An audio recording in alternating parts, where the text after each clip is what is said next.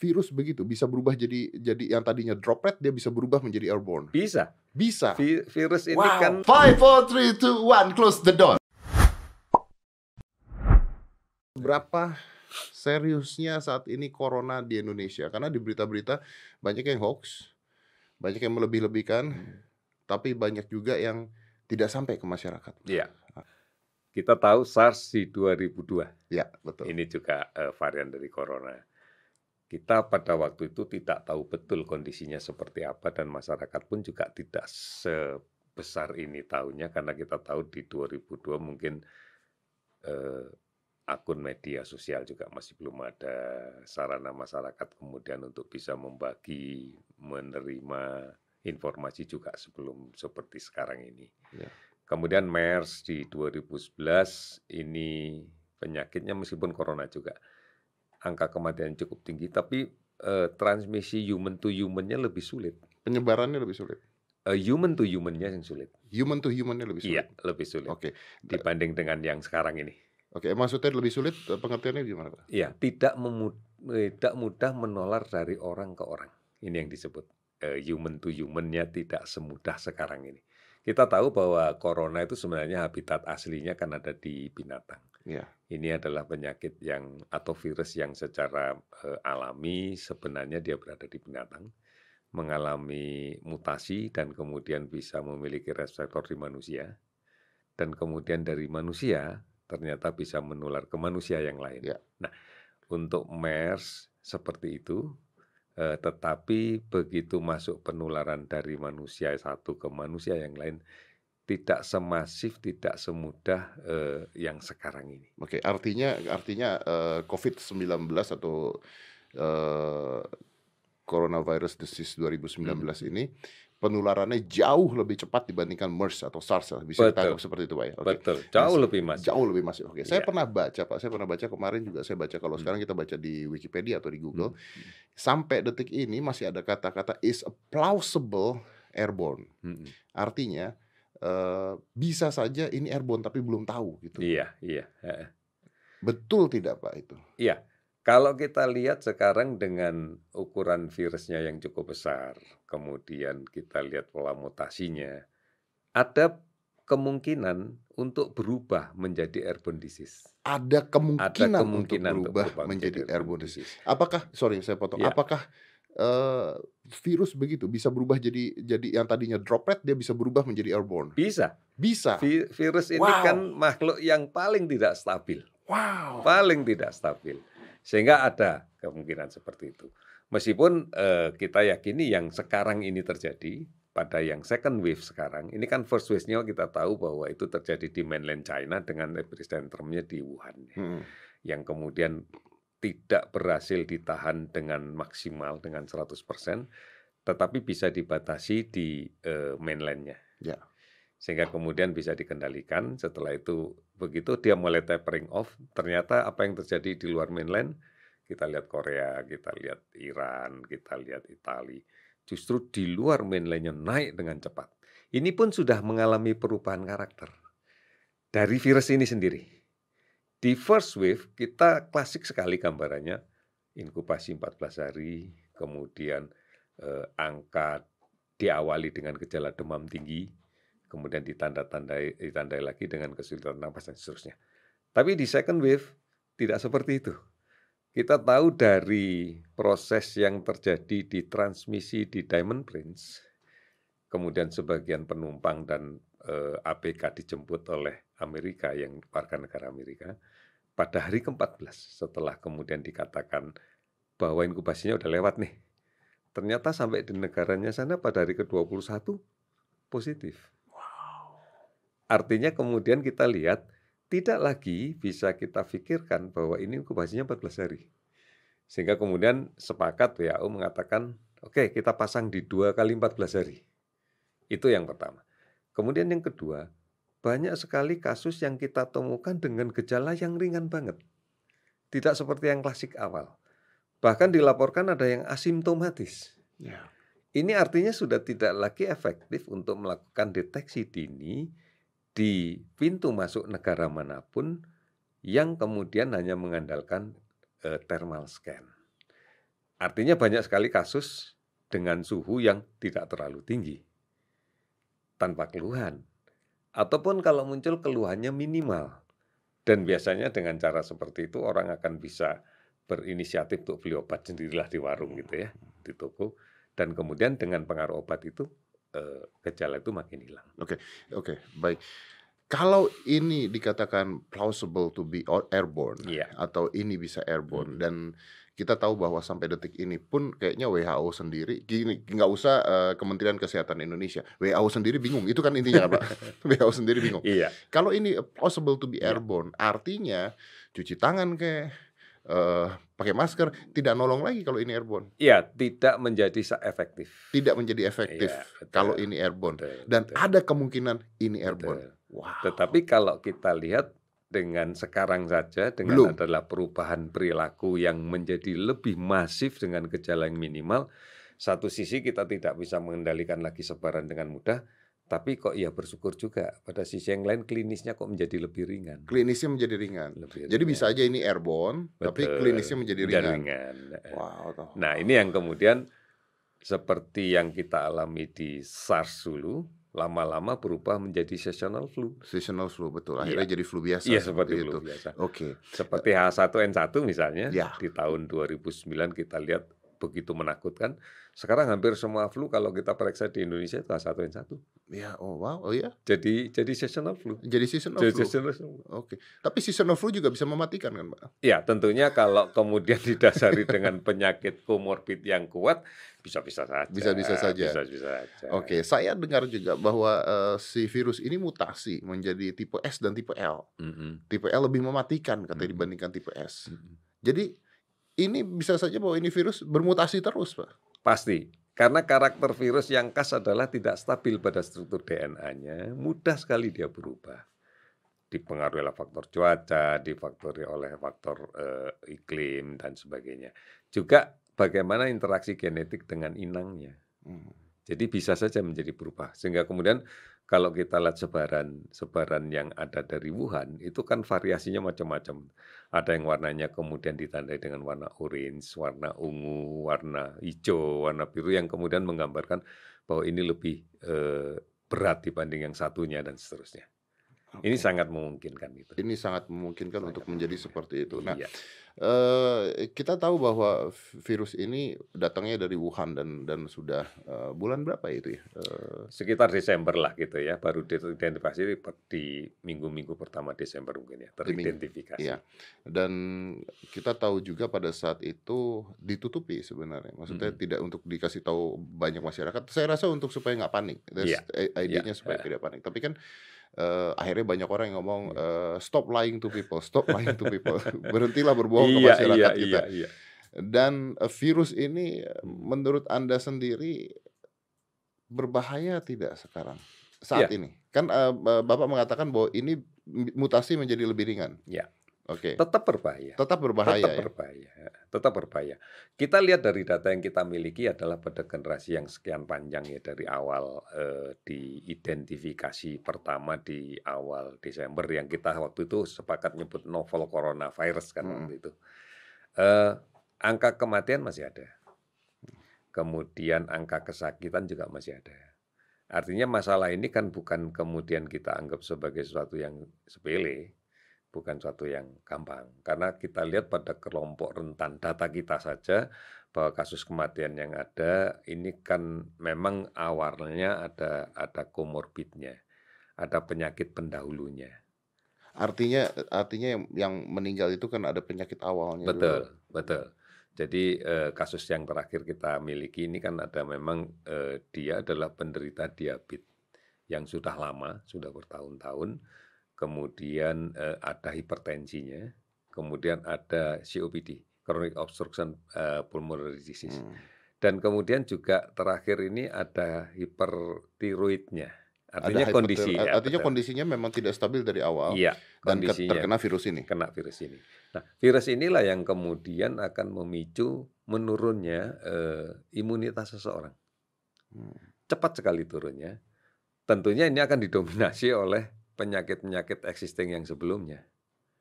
Sehingga pada saat terakhir kita yakini meninggalnya karena sepsis bakterial. Artinya ini hampir sama seperti HIV dan sebagainya. Iya, kalau HIV itu tidak ada penyakit yang lain yang murni hanya pada pada daya tahan tubuhnya saja yang turun, kemudian infeksi oportunistik kan. Eh, bakteri yang normal ada muncul. Nah, kalau ini kan diabetesnya menjadi tidak terkontrol, kemudian tensinya juga jadi nggak terkontrol, ini yang kemudian menjadi sulit. Oke. Bapak tadi mengatakan bahwa uh, this is a second wave atau Hmm. wave kedua. Artinya bisa saja akan terjadi wave-wave selanjutnya, Pak. Iya, kita sekarang coba mengidentifikasi apakah third wave akan muncul. Wow. Third wave akan muncul. Pada waktu itu beberapa saat kita melihat bahwa third wave itu akan ditandai dengan lonjakan yang luar biasa. Apakah kejadian yang cepat menjadi banyak di Italia itu adalah third wave? Apakah yang di Iran itu adalah juga third wave? Belum tahu artinya, Pak. Iya, artinya kita melihat bahwa ada perubahan pada pola distribusi sebarannya. Tetapi sampai saat ini kita bersama-sama para ahli masih belum mengidentifikasi bahwa itu sebagai third wave. Karena kok kelihatannya sama saja dengan yang second wave karakternya, hanya memang ini kayak di Italia yang saya dengar adalah bahwa begitu lockdown terhadap beberapa kota yang di sebelah selatan itu didengar oleh penduduk, maka mereka cepat-cepat keluar karena mereka aslinya tidak dari kota itu. Cepat-cepat keluar menuju ke kotanya, padahal dia yang membawa kasus. Artinya juga. penyebarannya jadi semakin besar ketika itu di lockdown. Iya, betul. Karena berita lockdown itu sempat bocor, Sempat bocor sempat berita bocor sehingga kemudian masyarakat yang tidak merasa penduduk itu cepat-cepat pulang sebelum di lockdown, Oke. pulang ke kotanya sendiri. Oke. Oke. Ternyata justru ini yang membawa penyebaran. Apakah itu kenapa Indonesia tidak mau melockdown? Kita tidak berbicara tentang eh, bagaimana melockdown pada situasi yang sekarang ini. Karena terus terang satu tidak mudah melakukan lockdown di wilayah mana pun di Indonesia. Ini negara gugus kepulauan. Kemudian yang kedua juga apakah kemudian mampu kita meyakini bahwa daerah yang di lockdown itu mampu mandiri. Apa tidak ini malah membuat permasalahan menjadi rumit, menjadi kusut, apakah betul diyakini bisa menghentikan penularan dengan lockdown? Karena sangat tidak mungkin itu terjadi. Dan apakah dengan lockdown malah tidak menimbulkan masalah baru kan? Iya, pasti. Kita lihat data sajalah bahwa sekarang yang kita lihat ini kan data orang yang sakit di rumah sakit. Tetapi permasalahannya kan sebenarnya di mana dia sebelum sakit dalam 14 hari terakhir. Boleh sakitnya di Jakarta. Ternyata begitu dicek alamatnya tidak di Jakarta dia. Di luar Jakarta. Di luar- Jakarta. Eh, eh, eh, Itu artinya bahwa data yang kita punya, saya per tadi saya lihat udah 130 134. 34 orang yang Iya. terdeteksi eh, terkena virus corona. Tapi itu juga artinya bahwa itu yang berhasil kita deteksi kan. Betul, betul. Artinya bisa saja di pelosok mana ada orang terkena coronavirus dan dia menganggap itu flu. Pasti. Pasti. Artinya Pak, jumlahnya kita tidak pernah tahu berapa Betul, sebenarnya. betul. Jadi kan eh, kalau kita menghitung statistik aja dengan cara pemodelan, satu orang itu memiliki kemungkinan untuk bisa menularkan ke 4,7 orang. Gimana? Satu orang sakit, Satu orang sakit, satu positif ini, ya. memiliki kemungkinan dia bisa menularkan ke sebanyak kurang lebih 4,7 orang lah dalam sehari. Oh, dalam Satu. sehari. Iya. Kalau kita lihat karakteristik kita, mungkin kita lah eh, dalam kehidupan sehari-hari kita, kalau sehari betul-betul kita pikirkan, berapa sih orang yang kontak dekat sama saya dalam sehari? Rata-rata sekitar 4,7 lah 4,7 iya, orang iya. dalam sehari. Kalau kemudian orang yang sebagian dari 4,7 ini kemudian terinfeksi, dia akan ketemu dengan 4,7 yang lain. Iya. Dan seterusnya. Berarti ini pertambahannya bukan tambah tapi pangkat ya, ya? Betul. Jadi bukan deret hitung. Saya malah melihat bukan deret ukur, eksponensial naik. Dan itu gambaran karakteristik di mana-mana seperti itu. Oke. Dengan Dan cepat. sangat cepat dan Iya. eh, salah atau tidak kalau saya mengatakan bahwa eh, Indonesia sendiri kan kita nggak usah kita jangan bodoh lah. Maksudnya Indonesia itu kan negara gugus pulau yang Iya, begitu besarnya heeh. dengan eh, dengan fasilitas rumah sakit dan kesehatan yang tidak sama rata, Pak, Iya. sebenarnya. Disparitasnya luar biasa. Disparitasnya luar biasa dan ini bukan salah eh, Kemenkes saat ini. Iya, Ini salah dari dulu sebenarnya kalau kalau saya mau ngomong, Pak ya. iya, Ini sebenarnya salah dari dulu. iya, Artinya kita mungkin tidak siap untuk melockdown dan tidak siap untuk eh, ya memberesi masalah ini di kota-kota lain yang terpencil-terpencil kan, Pak? bukan sebuah pilihan yang terbaik. Bukan Kalau- pilihan yang terbaik. Iya, kalau kita akan berbicara tentang lockdown. Oke. Oleh karena itu sebenarnya sulit untuk kita menempatkan bahwa kita mestinya harus lockdown dan seperti yang lain. Ini masalah manajemen tidak bisa ngetren kan. Sana trennya setelah ini ini. Kalau kita jawab belum tentu kondisinya nggak sama ini. Iya, iya. Beda betul. Disparitasnya juga beda. Eh, sebagai contoh saja, kalau kita lihat satu kasus saja eh, yang terjadi di kita, eh, salah satu kasus kematian yang di Jawa Tengah itu, eh, setelah kita tracing, ternyata dia kan dugaan besar kita dia tertularnya di Jakarta. Pada saat dia bepergian ke Jakarta, kontak dengan kasus positif di Jakarta. Iya. Setelah itu kan tidak langsung sakit, ini ada masa inkubasi, pulanglah ke kotanya di Jawa Tengah. Ia melakukan aktivitas biasa. Artinya sudah kalau katakan tiga hari saja sebelum dia sakit masuk rumah sakit, kita bisa menghitung berapa orang yang sudah dekat dengan dia. Dan dari mana Anda bisa tahu orangnya siapa saja? kan? Iya itu. Asal itu dia sakit, sakit beberapa hari kemudian meninggal. Oh. Karena kemudian kampung halamannya ada di Jawa Timur, maka dibawalah ke Jawa Timur. Tentunya keluarga besarnya ngikutkan. Sampai di Jawa itu setelah dimakamkan tentu ada prosesi eh, adat dan sebagainya gitu ya dalam pemakaman. Sekarang saya sudah dapat laporan bahwa di Jawa Timur ada satu lagi kasus positif dari ko- kontak mereka, kontak keluarga mereka. Dan dirawat di Jawa Timur. Artinya kalau kemudian kata memilih lockdown mana yang akan di lockdown Ya nggak bisa. nggak bisa. Betul. Oleh karena itu bukan opsi yang terbaik, karena pasti yang muncul adalah kegelisahan. Oleh karena itu benar bahwa pilihan yang terbaik apa yang disampaikan oleh Presiden tadi, kita batasi kemungkinan untuk bertemu dengan banyak orang dalam situasi yang sangat dekat, tetapi bukan tanpa produktivitas. Sehingga Presiden beberapa kali mengatakan, bekerja dari rumah, belajar di rumah, ibadah di rumah. Bukan berarti libur. Bukan berarti libur. Bukan berarti libur. Tapi saya masih melihat Hmm. banyak tempat ibadah yang menganggap bahwa yang kalau mendekatkan diri dengan Tuhan, dengan Ya. Allah, masa sih?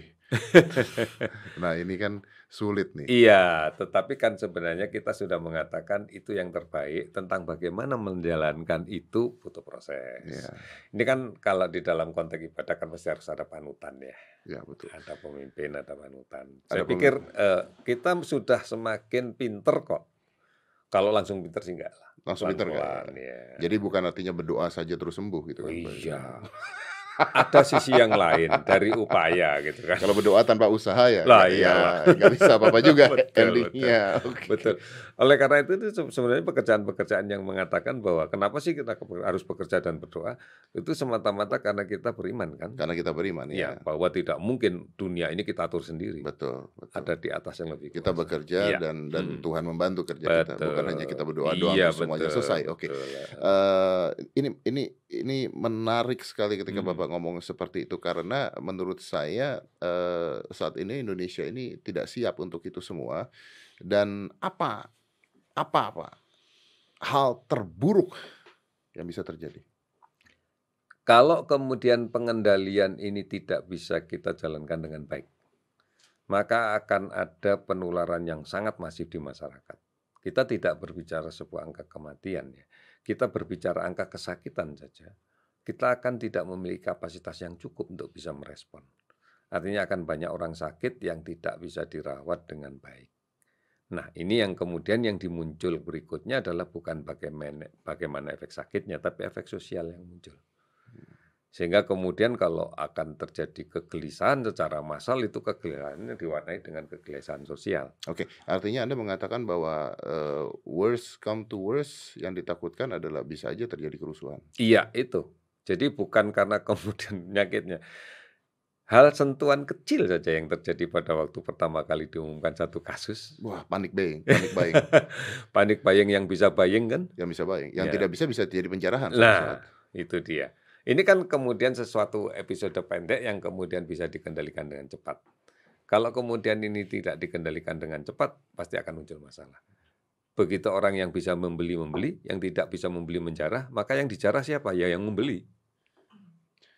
Artinya terjadi kerusuhan lagi. Kerusuhan.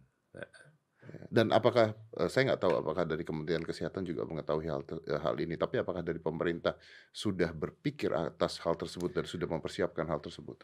Di dalam konteks inilah maka eh, beberapa kali kita bertemu bahwa masalah ini tidak bisa didekatin dengan satu sektor saja. Ini masalahnya multisektor. Tapi untung bahwa kita sudah memiliki sistem yang sebenarnya bisa digunakan dan baku dan sekarang kita gunakan. Ada Undang-Undang 24 tahun 2007 tentang bencana yang disebutkan bahwa sumber bencana itu ada tiga. Bencana alam, non-alam, sosial. Kita tahu bencana alam. Nah, bencana non-alam salah satunya disebutkan di situ jelas wabah garis miring pandemi. Artinya ini harus dibawa masuk ke sana. Harus dibawa masuk kepada ranah undang-undang itu. Kenapa? Karena implikasinya adalah bahwa penanganannya tidak bisa satu kementerian. Ya. Ini harus membutuhkan sinergi keseluruhan dan menempatkan kepala daerah sebagai penanggung jawab Ya, ya. yang kemudian harus memobilisir dan memaksimalkan semua kapasitas yang ada di daerah itu baik dari sisi pemerintah, masyarakat maupun dunia usaha. Termasuk Menteri Pertahanan dan sebagainya. iya Saya baca juga kapasitas karena pemerintah Iya, kan saya itu. baca juga karena di Filipina saja sudah menurunkan angkatan daratnya betul, untuk betul. turun di jalanan untuk Iya. itu. Kita eh, menurunkan TNI sudah dari awal pada waktu kita menjemput saudara kita yang di Wuhan. Ya, ya. Terus kemudian menjemput saudara-saudara kita dari dua kapal dan sekarang kita menyiapkan lagi untuk menjemput dari satu kapal yang lainnya. Ya. Itu sudah menggunakan itu. Tapi di sini ada dua masalah Pak yang paling besar. Hmm. Yang pertama adalah bagaimana orang-orang yang memang harus bekerja. Karena kan eh, keluar video-video di luar itu yang Hmm. wah ini tuh, eh, pedagang kaki lima masih kerja, masih Ya. jalan, masih apa. Eh, terus dibilang bahwa oh mereka tidak sadar diri, tidak mendengarkan pemerintah. Saya punya pembelaan terhadap mereka. Kalau mereka tidak kerja di jalan, mereka tidak makan, Pak. Iya, Itu yang jadi Betul, masalah. betul, betul. Ya, kita melihat bahwa ini masalahnya kompleks ya. Ini bukan masalah sakit. Beberapa waktu yang lalu kan kita sempat untuk me- mengusulkan bahwa ada orang yang harus kita isolasi karena ada riwayat kontak. Misalnya di Batam itu adalah pengemudi ojek online. Tetapi kan kemudian mereka lari. Karena mereka adalah tulang punggung keluarga Betul, betul. tulang punggung ekonomi keluarga. Artinya bahwa pendekatan ini tidak bisa satu sisi. Kita nggak bisa ngomong bahwa dia harus diamankan dari kemungkinan penyebaran penyakit. Tapi kita juga harus secara holistik melihat dia bahwa dia ini manusia utuh gitu loh. Iya. Ya mestinya ada dong kompensasi dari itu. Nah itu dia Nah. maksud saya. Sedangkan kan negara kita menurut saya Betul. gitu ya, eh, bukan saya meremehkan Hmm, negara hmm, kita yang kita hmm, cintai hmm, ini, hmm. tapi negara saya kan belum siap. Iya. Maksudnya untuk mengkompensasi orang-orang tersebut, apa kita bisa ngasih makan mereka? Ya, di dalam mereka format di- yang kecil seperti ini kan tidak kita diskusikan, Iya. termasuk yang di Jakarta. Kenapa kok kemudian lari? Karena dia single parent yang harus Iya. bertanggung jawab dengan keluarganya. Saya bisa, maaf saya potong, saya bisa berpikir bagaimana pusingnya anda saat ini. itu yang harus saya syukuri. Dengan saya pusing, saya meyakini bahwa di, di sini ada otak itu kepala saya. Itu. Iya, Kalau iya, saya iya. nggak pusing mungkin batu isinya. Oleh karena itu kita harus holistik melihatnya. Ya mumpung masalah ini belum men- menjangkau kepada seluruh kondisi masyarakat kan. Eh, ini mumpung masih menjangkau pada kelompok yang kecil satu dua orang. Kita punya sistem dan kita jalankan saja. Tadi kami berdiskusi dengan beberapa teman dari kementerian yang lain. Mereka mengatakan ini mestinya bisa diselesaikan dan harus diselesaikan karena formatnya ada. Kita nggak perlu cari-cari. Ada yang namanya jatah hidup, jadub. Di bencana kan ada ini. Kalau terkena bencana semuanya hilang kan kita bisa memberikan jatah hidup harian ini. Oh iya betul. Kenapa nggak dianalogikan bencana- ini sama-sama bencana kok ini? Seperti bencana alam, Betul. maka ada eh, eh, pik- Betul. kiriman pangan, kiriman apa dan Betul, betul. sebagainya. Kenapa nggak kemudian kita menerapkan ini di sini? Is it possible, Pak? Iya, dan harus. Hmm. Harus. Akan dilakukan kah? Ini kan kemarin satu Lagi dua dimitingkan kasus. terus ya? Enggak, satu dua kasus ini langsung kasih. Kenapa enggak? Wong itu ada kok. Ini Iya, kan tapi kan kalau pedagang-pedagang di jalan itu jumlahnya nggak satu dua, Pak. Iya, Kak, kayaknya cerita pada beberapa kasus ini ya, yang tadi yang ini jelas dia sebenarnya positif, tetapi seharusnya diisolasi, tapi dia nggak mau diisolasi Iya. karena dia tulang punggung keluarga. Ya sudah, mari kita kompensasi dari pekerjaan dia sebagai tulang punggung itu untuk di, dimasukkan. Nah, terkait dengan pedagang yang banyak, kalau dia tidak bagian dari sumber penyebaran dan sebagainya kan, it's okay. Kita tidak melockdown negara ini kan, Mm. tidak ada yang lockdown. Artinya silakan bekerja, silakan bekerja, tetapi dengan kehati-hatian. Nah, kalau dia kita curigai sakit ya harus apa mau tidak mau ya harus. Tapi kan kampanyenya yang terjadi sekarang adalah Hmm. bahkan dari presiden mengatakan bekerja di rumah. Iya. Itu, Hmm. itu kan agak agak eh, bertabrakan dengan mereka yang tidak bisa bekerja di rumah. Sebenarnya kan tidak semuanya akan bisa bekerja di rumah. Ya, Masih ada yang eh, sistem pekerjaan di kita masih belum memungkinkan semua harus di rumah. kan. betul, betul. terutama untuk eh, eh, pekerjaan-pekerjaan manufaktur dan sebagainya itu kan nggak mungkin Ya pabrik dan pabrik sebagainya. sebagainya. Ekonomi hancur nih Pak Iya, kalau mereka pulang betul. semua. Artinya pekerjaan itu kan masih harus dikerjakan tidak mungkin di rumah gitu. Ya, Artinya kalau bisa bekerja di rumah, bekerja di rumah. Kalau enggak, ya berarti bekerja tetap di daerah, eh, di tempat pekerjaannya. Tapi kan mesti pasti akan diatur. Kita tidak akan melakukan lockdown. Ini bedanya dengan lockdown, di mana lockdown ini semuanya berhenti. Ini tidak. Masih berjalan tetapi dikurangi. oke. Ya, salah satunya di antaranya kalau eh, di beberapa perusahaan sekarang sudah mulai eh, memberikan kebebasan karyawan untuk mulai jam kerja jam berapa saja, tetapi tetap bahwa mereka harus bekerja 8 jam, misalnya. Hmm. Artinya dia bisa milih kalau saya bekerja dengan jadwal biasa, saya akan berhadapan dengan transportasi massal yang penuh nih. Nah, saya mau cari yang tidak penuh jam berapa? Mungkin sekitar jam 10 nggak penuh. Oke, saya akan mengulai kerja jam 10. Nanti saya pulangnya yang penting tambah 8 jam. Berarti jam 16 saya jam 18 saya baru pulang. Ya, ya, ya. Jadi bisa mengatur fleksibel itu seperti Oke, itu. artinya bekerja di rumah itu hanya yang mampu dan Iya, bisa bekerja yang di rumah, yang memungkinkan untuk dikerjakan di Oke, rumah. itu masalah yang pertama. Masalah Iya. yang kedua, masyarakat Indonesia ini kadang-kadang bebel kan, Pak. Iya. Jadi kemarin ketika dikatakan sekolah libur, Mm-mm. jalur puncak ramai. Ini loh persepsi yang harus kita penuhi. Belajar dari rumah, Iya. bukan libur. Nah kalau dikatakan libur ya pasti dong. Mereka akan jalan mana di sana tutup ya cari yang buka gitu. Iya, malah jalan-jalan kan, Pak. Iya. Malah jalan-jalan, Iya. keramaian tetap ada, Betul, tempat ibadah betul, tetap tetap betul, dijalankan. betul. Nah ini yang sebenarnya kita inginkan bahwa masyarakat itu mulai disadarkan bahwa mereka di rumah itu bukan untuk libur. Hmm. Belajarlah dari rumah. Memang saat ini belum tersedia sistem yang sangat mudah diakses oleh siapa pun. Ya nantinya harus berubah ini. Tadi beberapa kali Presiden juga mengatakan, ya kalau kita suruh belajar di rumah tetapi tidak dilengkapi dengan sebuah sistem yang baik, ya gimana belajarnya Nggak gitu. bisa, betul. Apa baca buku terus gitu loh. Ya. Apakah kemudian melalui media apa ruang guru dan sebagainya, artinya dibuka akses sebanyak-banyaknya kan untuk Hmm. mereka. Kena- Kenapa kenapa eh, saat ini kita tidak bekerja sama misalnya dengan MUI atau dengan eh, NU untuk mengatakan bahwa untuk sementara kegiatan ibadah eh, ditiadakan dahulu. Ya, Mungkin saya tidak. saya beberapa kali bertemu dengan MUI. Kita mulai mengkaji sebenarnya satu hal yang penting yang mulai kita pikir dari sekarang. Kita diskusi mulai dari sekarang dan kemudian merancang keputusan dari sekarang. Sebentar lagi kita berhadapan dengan Ramadan kan. Nah itu, Ada sebuah tradisi untuk taraweh Iya. bareng di masjid, di Waduh, gereja, waduh. eh, di masjid. Kemudian juga ada kegiatan-kegiatan yang lain terkait dengan itu. Semuanya pasti akan menginginkan puncaknya nanti sholat id bareng di lapangan gitu kan. betul. Dan berapa banyak anak-anak yang salim nanti Iya, Pak? lah. Nanti apakah kemudian kita akan melakukan sungkem virtual sama orang tua itu? Ini kan jadi problem kita. Apa iya nanti salaman dengan eh, saudara tua dengan siku begitu kan ini kan sesuatu yang menjadi problem untuk Ta- kita. tapi harus diselesaikan. Iya. Masalahnya harus dipikirkan bagaimana. Ini yang harus kita pikirkan sekarang, tidak dipikirkan nanti. Artinya kalau memang situasi masih mengharuskan seperti itu, berarti kan harus ada mentalitas yang harus dirubah. Kita tahu di beberapa negara Muslim seperti di Iran dan sebagainya yang kemudian memutuskan tidak ada jumatan. Bagi mereka di sana sesuatu yang sulit untuk menjalankan. Kita yang bayangkan di sini aja sudah sulit. Gimana jumatan itu? Tapi mereka bisa Ya akhirnya kan dengan otoritas pemerintah terpaksa. terpaksa. Ya, Arab Saudi pun menutup Iya. mau tidak mau, Hmm, ya. ya kan? Iya. Ini kan sebenarnya untuk untuk keselamatan Betul, bersama kan kita betul, bicaranya untuk keselamatan bersama. betul. Oke, eh, dalam kondisi apa Indonesia harus lockdown? Apa tidak akan di lockdown?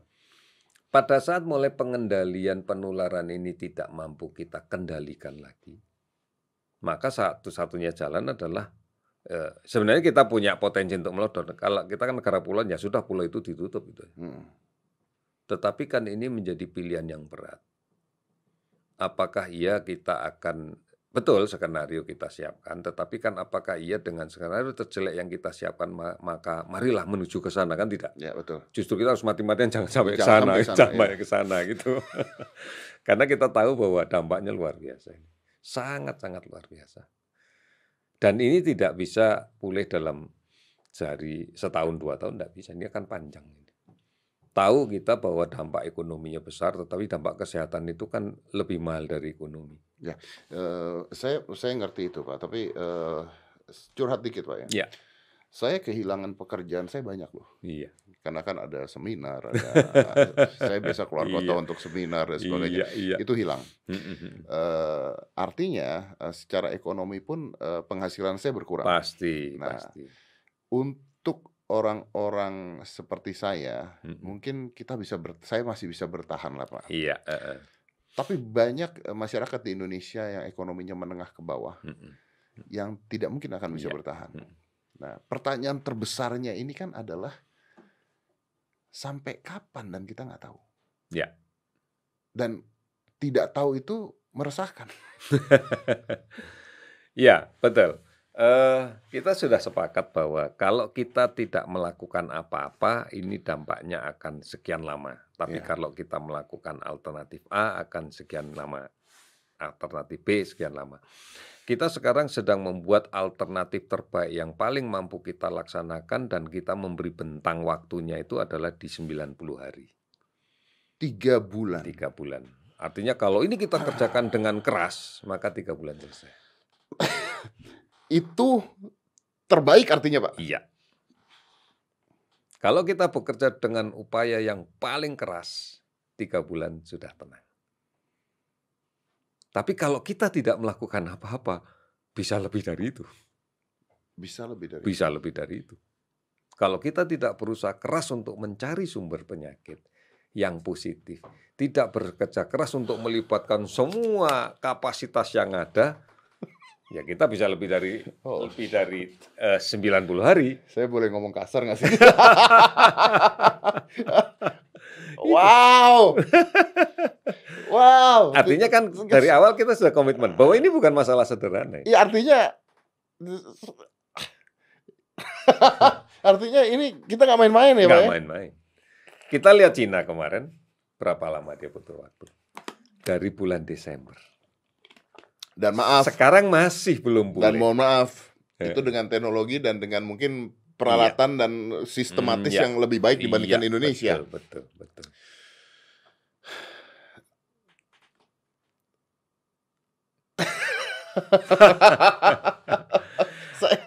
artinya tidak tidak ada ruang bagi kita untuk kemudian hanya diam. Tapi begini Pak, artinya sektor ekonomi kita juga akan hancur berantakan ya. di semua uh, sisi. Karena kita aja tahu sekarang bahwa industri dan sebagainya barang import dari Cina ya. itu uh, udah uh, mati. Eh, ini uh, ada minum nggak bapak ada ya? Udah mati. Belum lagi sektor industri kita yang pasti akan hancur berantakan. Tiga bulan untuk menghidupkan orang-orang banyak, apalagi kalau di lockdown, ini kiamat kecil, Pak. Cucunya kiamat. Kita tidak menempatkan di lockdown sebagai pilihan. Okay. Tetapi uh, kita yakin betul ya pada waktu dulu awal krisis ekonomi, semua pakar ekonomi mengatakan Indonesia akan tinggal nama bahkan dari eh, Barclay pun mengatakan ah ini habis nih Indonesia ternyata enggak ya, orang kita kan kuat-kuat pak ya, ternyata bahwa fundamen kita itu bukan fundamen yang gantungannya besar hmm. fundamen kita adalah masyarakat kecil yang kemudian mampu survive karena memang mereka ber- bergerak dalam ekonomi kecil yang berputar di antara mereka. Yang tonggangan yang gede-gede aja, Iya. yang kecil-kecil enggak. Ini terbukti, masyarakat itu masyarakat yang memiliki kelenturan luar biasa. Baik, saya, ta- tapi gimana caranya kalau misalnya dalam waktu tiga bulan dan eh, pekerjaan orang sudah mulai eh, hilang dan sebagainya, apakah eh, kebutuhan primer kita masih akan ada? Ya. Karena eh, sekarang sudah terjadi panic buying.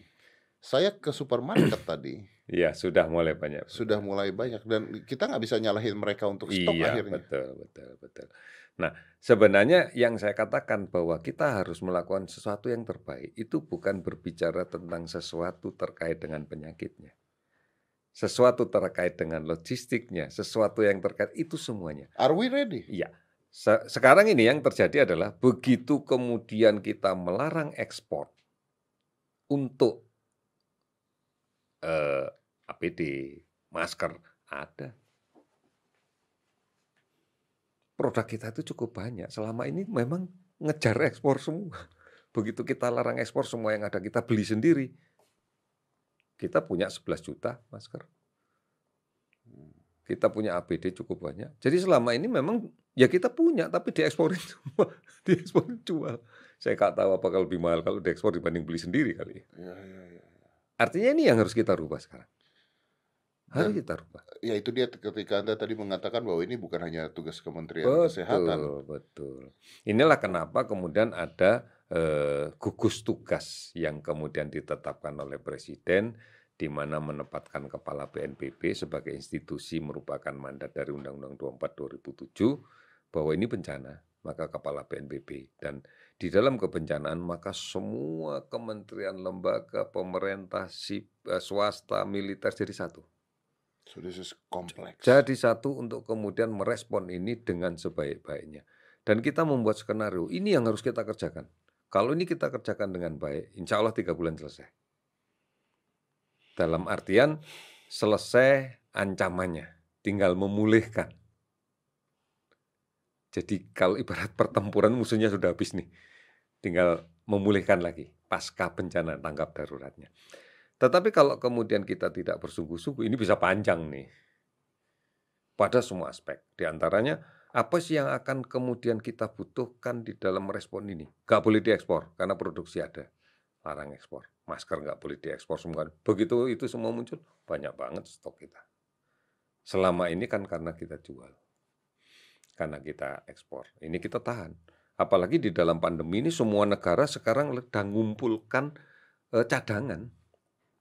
Begitu di state pandemi, maka semua negara akan berpikir untuk kebutuhannya sendiri. Sudah nggak mikir lagi ekspor-eksporan, semuanya ditahan. Ini yang terjadi, sehingga kalau ada apa-apa, eh, ya masing-masing akan berdiri dengan dirinya sendiri, karena semuanya akan sibuk dengan dirinya sendiri. Ini isyarat dari pandemi, bahwa sekarang silahkan masing-masing negara pasang eh, eh, baju pelampungnya masing-masing. Ya. Saya tuh berpikir ya dari awal ketika Indonesia kena gitu ya. Saya berpikir gini, saya ya mungkin ini pikiran bodoh aja Pak ya. Saya berpikir bahwa this is ini kayak sebuah seleksi alam yang terjadi. Karena mungkin manusia itu sudah terlalu berbuat buruk pada bumi gitu. Iya, ada sisi siapa pun pasti akan berbicara seperti itu Iya. pada saat sudah mulai terpepet karena kan kita memiliki keimanan ya. Iya. Seberapapun kadarnya, Iya. seberapa karat pun itu kan masih Iya, ada gitu ya. iya, Apakah hanya berkarat atau hanya 20 apakah 24 karat itu. iya. Pasti pada suatu saat eh, basic insting kita berpikir seperti itu. Iya, iya. Tapi Pak, eh, rumah sakit kita itu siap nggak sebenarnya? Kita melihat permasalahan sekarang kalau kita lihat sebagian besar kasus ya seperti yang kita rawat ini. Saya beberapa kali ke rumah sakit melihat Sebagian besar dari mereka tidak membutuhkan hal ya- peralatan-peralatan penunjang yang sophisticated seperti yang kita bayangkan ya. Beberapa kasus termasuk kasus yang nomor satu, nomor dua, nomor tiga yang sudah sembuh dan boleh pulang tadi. Hmm. Sepanjang di rumah sakit dia hanya eh, dua hari awal saja membutuhkan infus. Membutuhkan infus. Kemudian hanya sehari dia butuh oksigen. Tapi banyak orang yang mengatakan Selebihnya ketika mereka mencoba untuk menghubungi eh, kontak lain dari eh, coronavirus ini sibuk, tidak diangkat dan sebagainya. Saya ngerti karena pasti Eh. banyak banget yang nelpon dan Iya. ketakutan Mm, gitu. mm, mm. Artinya kan kita sendiri sebenarnya saya tadi mau mencela tapi tidak jadi mencela karena saya yakin bahwa bahwa memang kita tidak pernah siap untuk untuk ini kan sebenarnya kan Pak. Tidak ada satupun negara yang siap untuk bencana. Iya, artinya memang kita tidak pernah siap Iya. untuk untuk adanya ini. Dengan rumah sakit pun, rumah sakit yang ada Iya. di daerah pun saya rasa tidak siap. Alat-alat pengetes gini, Iya. alat pengetesan untuk coronavirus apakah ada di semua rumah sakit? Tidak mungkin kan? Iya, iya. Ini barang import ini. Artinya terbatas kan Iya. intinya. Dan yang membuat pun juga me- membatasi kan. Yang membuat pun membatasi. Dia kan butuh juga gitu. Dia pun juga butuh kan. Oh, Kalau sudah pandemi seperti ini, ya sekarang siapa pun yang membutuhkan masker kita, oh, tunggu dulu, saya tahan, saya juga butuh kok. Gitu. Ya artinya artinya saat ini eh, dari Kementerian Kesehatan dan dari pemerintah mencari alternatif lain Betul, betul. untuk Kita menanggulangi ini Betul, karena kita tahu bahwa kita memang tidak siap Iya. sebenarnya. tidak siap. Tidak satu pun negara yang siap. Amerika bawa ulur kan? Amerika yang demikian hebat bawa belur juga. Korea yang seperti itu bawa belur juga. Itali sama juga. Bagi kita yang paling penting sekarang adalah bahwa di dalam kaitan dengan kebencanaan adalah bukan berbicara pada siap atau tidak siap, tapi bagaimana secara cepat masyarakat bisa beradaptasi dengan situasi yang memang tidak diharapkan.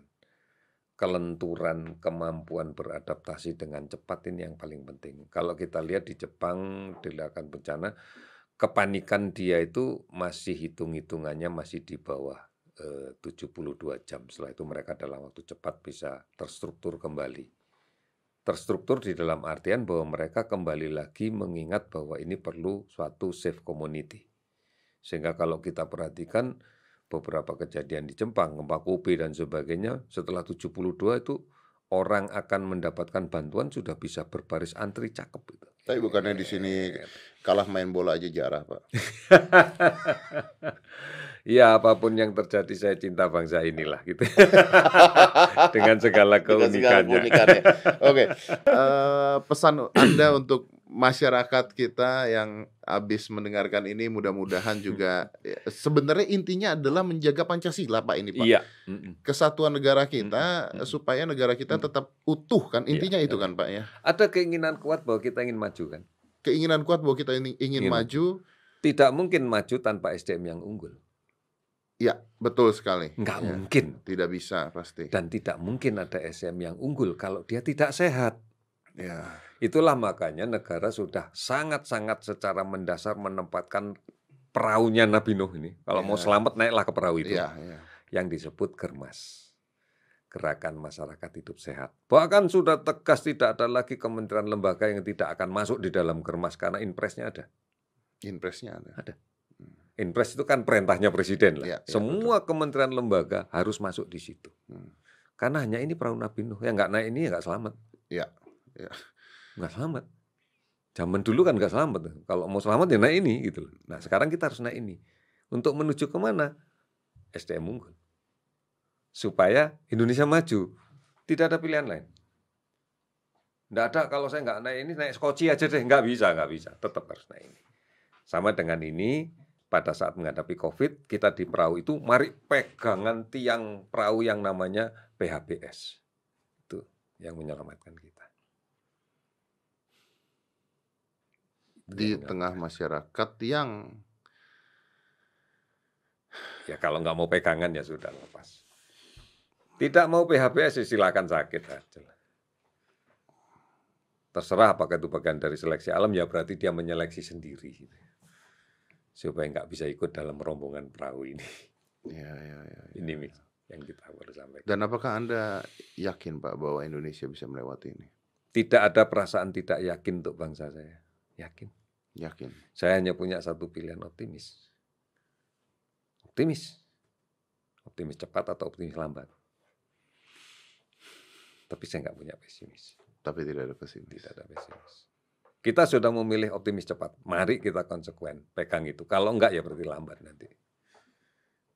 Dan ini semua tergantung dari masyarakat. Masyarakat. Penyakit menular basisnya adalah community. Basisnya adalah komunitas. Mari bangun safe community. Masyarakat yang menyadari betul apa ancamannya. Masyarakat yang menyadari betul apa kekuatan dia. Masyarakat yang menyadari betul apa peluangnya. Apa tantangannya? Itu saja kuncinya. Dan ini dari zaman dulu sudah ada. Masyarakat kita dari zaman dulu sudah ada. Dimodernkan dengan dibentuk dalam kelompok kecil dasawisma misalnya. Sepuluh rumah yang saling peduli. Hmm. Agak gede sekian dasarnya dari RT, Ya. dari RW dan seterusnya dan seterusnya. Sekarang mulai terasa kita lihat di televisi bagaimana saudara-saudara kita yang di Italia, orang Italia, bagaimana yang di eh, Spanyol.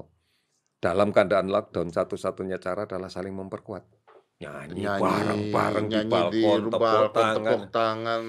Tidak Iya. pernah muncul pada saat mereka dalam keadaan Iya. aman-aman aja. Ya, saya saya juga pernah berpikir bahwa this is eh, sebenarnya kalau kita mau berpikir positif Pak ya. Hmm. Kita pikir kan segala sesuatu yang negatif itu bisa ada sisi positifnya Iya, Pak ya. iya betul. Kita bisa melihat begini. Ini ini teori saya Pak ya. Hmm. Benarkan kalau saya Hmm. salah.